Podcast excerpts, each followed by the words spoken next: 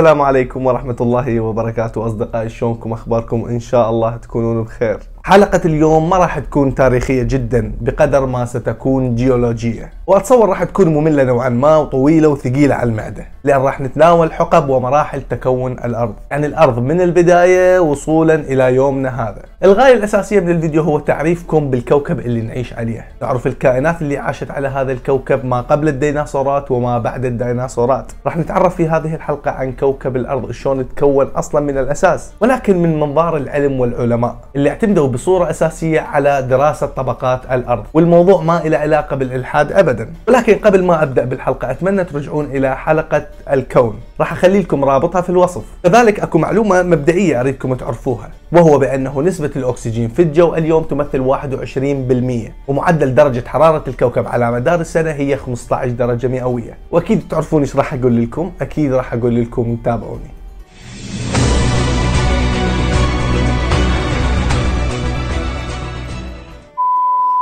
قبل 4.5 مليار سنة بعد مدة من تكون الشمس نتجت عن تكون الشمس غبار يسمى الغبار الشمسي أو الغبار الكوني. يعني لما تكونت الشمس نتج عنها مخلفات كثيرة جدا. وهذه المخلفات كانت عبارة عن غبار. ولكن كل ذرة من هذه الكمية الهائلة من الغبار اللي نتجت عن تكون الشمس كانت درجة حرارتها جدا عالية. المهم الغبار الشمسي يبدأ بالتجاذب والتشكل. نتيجة لهذا التجاذب والتكتل تكونت الحصى. هذه الحصى استمرت بالتجاذب والتكتل وكونت الصخور. هذه الصخور أيضا ابتدت بالتجاذب لتكون جسيمات كبيرة. كل ما ازدادت حجم هذه الصخور ازدادت كتلتها ولما تزداد كتلتها تزداد جاذبيتها للصخور الباقية. واستمر هذا الحال لدهور زمنية حتى تكون كوكب الأرض اللي كان شكله كروي. ولكن الكوكب كان عبارة عن كتلة من الحمم البركانية. لكن لم تكن هنالك يابسة وبحار بل كان عبارة عن حمم بركانية ومنصهرات. هذه المرحلة من عمر الأرض تسمى بالمرحلة الجهنمية. هي اسم على مسمى. بهاي المرحلة كانت الأرض تدور حول نفسها بسرعة أكبر من اليوم.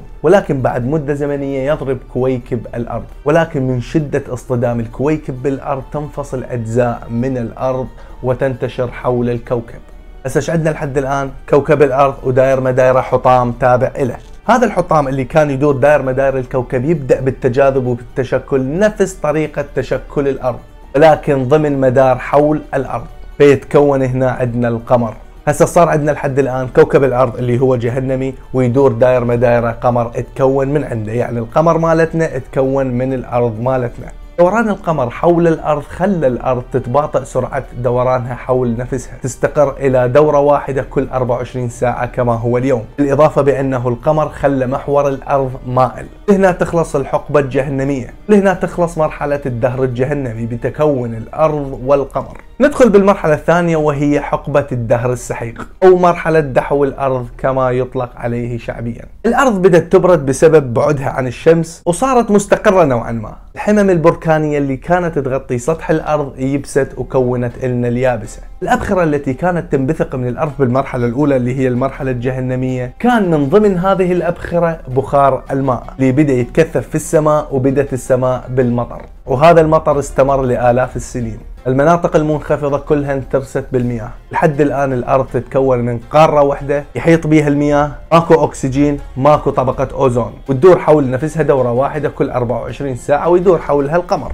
ويستمر هذا حالها لمدة مليارين ونص سنة. بعدها راح ننتقل للمرحلة الثالثة وهي مرحلة دهر الطلائع. ظروف كوكب الأرض المناخية ساهم في ظهور نوع من البكتيريا تسمى بالبكتيريا الزرقاء أو البكتيريا الخضراء. هي بكتيريا أحادية الخلية تعيش في الماء تأخذ غاز ثنائي أكسيد الكربون وأشعة الشمس وتطرح غاز الأكسجين. يعني نقدر نقول طحالب بدائية. هذه البكتيريا انتشرت في الماء لملايين السنين. مما أدى إلى زيادة غاز الأكسجين في الجو وقلة غاز ثاني أكسيد الكربون. بعد مدة يقل غاز ثاني أكسيد الكربون اللي البكتيريا تعتمد عليه في غذائها مما أدى إلى انقراض هذه البكتيريا. غاز الأكسجين اللي طرحته البكتيريا في الجو يتفاعل مع غاز الميثان الموجود كان في الجو أصلا وهذا التفاعل ينتج عنه غاز ثاني أكسيد الكربون ولكن بنسب محددة. نسبة غاز الأكسجين إلى نسبة غاز ثاني أكسيد الكربون أدى إلى قلة الاحتباس الحراري في الأرض في تلك الفترة. يعني حرارة الأرض بدأت تطلع إلى الفضاء. وهذا الشيء ساهم في انخفاض درجة الحرارة. وبعد مدة تتكون طبقة الأوزون اللي تحمي الأرض من الأشعة الضارة للشمس. هسه عندنا؟ أرض تتكون من قارة واحدة يحيط بها المياه. عندنا طبقة أوزون عندنا قمر عندنا معادن مواد عضوية. المراحل الثلاثة اللي ذكرناها اللي هي مرحلة جهنمية والدهر السحيق دهر الطلائع. هالثلاثة تسمى عصر ما قبل الكامبري. اللي تمثل مرحلة تهيئة الأرض للكائنات الحية. بعد مرحلة ما قبل الكامبري ندخل بمرحلة الكامبري اللي استمرت حوالي 500 مليون سنة وهذه المرحلة بدأت الحياة تدب على وجه الكوكب. وخاصة في الماء. ظهرت الفقاريات والصدفيات الثلاثية اللي احتلت تقريبا المياه كلها وبدأت تنتقل إلى اليابسة معلنة دخول العصر الأردوفيسي. مرحلة الأردوفيسي استمرت لمدة 41 مليون عام. نسبة الأكسجين في الجو كانت 13% غاز ثنائي أكسيد الكربون كان عالي جدا. في هذا العصر بدأت النباتات بالظهور. كانت نباتات أولية يعني مو النباتات اللي نعرفها اليوم. ظهر المشروم أو الفطر. وظهرت عندنا حيوانات مائية ذوات الفك. قبل ما كان عندهن فك هسه لا عندنا حيوانات مائية عندهن فك. المهم العصر الاردوفيسي ينتهي بانقراض جماعي للكائنات. يعتقد بسبب زوال طبقة الأوزون على رأي العالم أدريان ميلوت لأن فرضيته تعتبر الأكثر قبولا والفرضية مالته كانت عام 2006 بعد انقراض العصر الأردوفيسي. ندخل بالعصر السيلوري اللي استمر حوالي 443 مليون عام. وهذا العصر كانت نسبة الأكسجين 14% ومعدل درجة حرارة الأرض 17% يعني الجو حار. في هذا العصر ظهرت الأسماك الحشرات الفقاريات الفكية. ويعتقد العلماء بأن هذا العصر هو من أهم العصور من ناحية التطور الحيوي للكائنات الحية. بعد انتهاء العصر السيلوري ندخل بالعصر الديفوني. اللي استمر لمدة 60 مليون عام. وهذا العصر كانت نسبة الأكسجين بالجو 15% معدل درجة حرارة الكوكب كانت 20 درجة مئوية. يعني 20 درجة مئوية جدا حار. هذا العصر ظهرت الحشرات الجناحية الأسماك الغضروفية ظهر الخشب بالنباتات ظهرت حشرات سداسية الأرجل. بعدها ينتهي العصر الديفوني وما حد يعرف شلون انتهى العصر. البعض يروح إلى أنه تغير مناخي مفاجئ طرأ على كوكب الأرض أدى إلى انقراض الحيوانات. بعض الآخر يروح أنه كويكب ضرب كوكب الأرض. بعد العصر الديفوني ندخل العصر الكربوني اللي استمر لمدة 60 مليون عام. كانت نسبة الأكسجين في الجو 32% وهي نسبة عالية جدا. معدل درجة حرارة الكوكب 20 درجة مئوية وهي نسبة عالية جدا. هذا العصر ظهرت النباتات السرخسية ظهرت الصنوبريات النباتات البذرية وظهرت الخنافس زادت أعداد الكائنات المفصلية البرمائيات والزواحف. سمي هذا العصر بالعصر الكربوني لأنه جميع النباتات الموجودة على سطح الأرض تحولت إلى فحم حجري موجود داخل الأرض اليوم. اسمع بين فترة وفترة عن مناجم للفحم الطبيعي. هذا الفحم الطبيعي هو بالحقيقة النباتات التي عاشت على وجه الكوكب في تلك الفترة. انتهى العصر الكربوني كالعادة بسبب تغير مناخي. ولكن هذا التغير المناخي ما قتل كافة الحيوانات. بقى قسم من عندها انتقل إلى العصر التالي وهو العصر البرمي. اللي استمر لمدة 280 مليون عام. نسبة الأكسجين كانت 23% ودرجة حرارة الكوكب كانت 16 يعني زينة نوعا ما. العصر البرمي استمر لمدة 280 مليون عام. هذا العصر شهد زلازل كبيرة جدا نتيجة تحرك طبقات الأرض.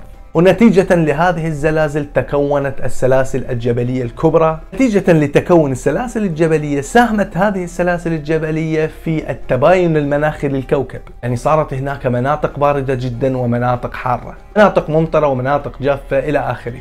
هذا العصر شهد ولادة حيوانات شوكية الجلد أسماك القرش العملاقة الفطريات الصراصير اليحسوب التمساح الذئبي الأرجوسورات أو الزواحف العملاقة اللي بعدين راح تصير ديناصورات في المرحلة القادمة. المهم العصر البرمي ينتهي بأكبر انقراض عرفة الأرض. انقراض قتل 96% من الكائنات على سطح الكوكب وعاشت 4% من الكائنات الحية فقط.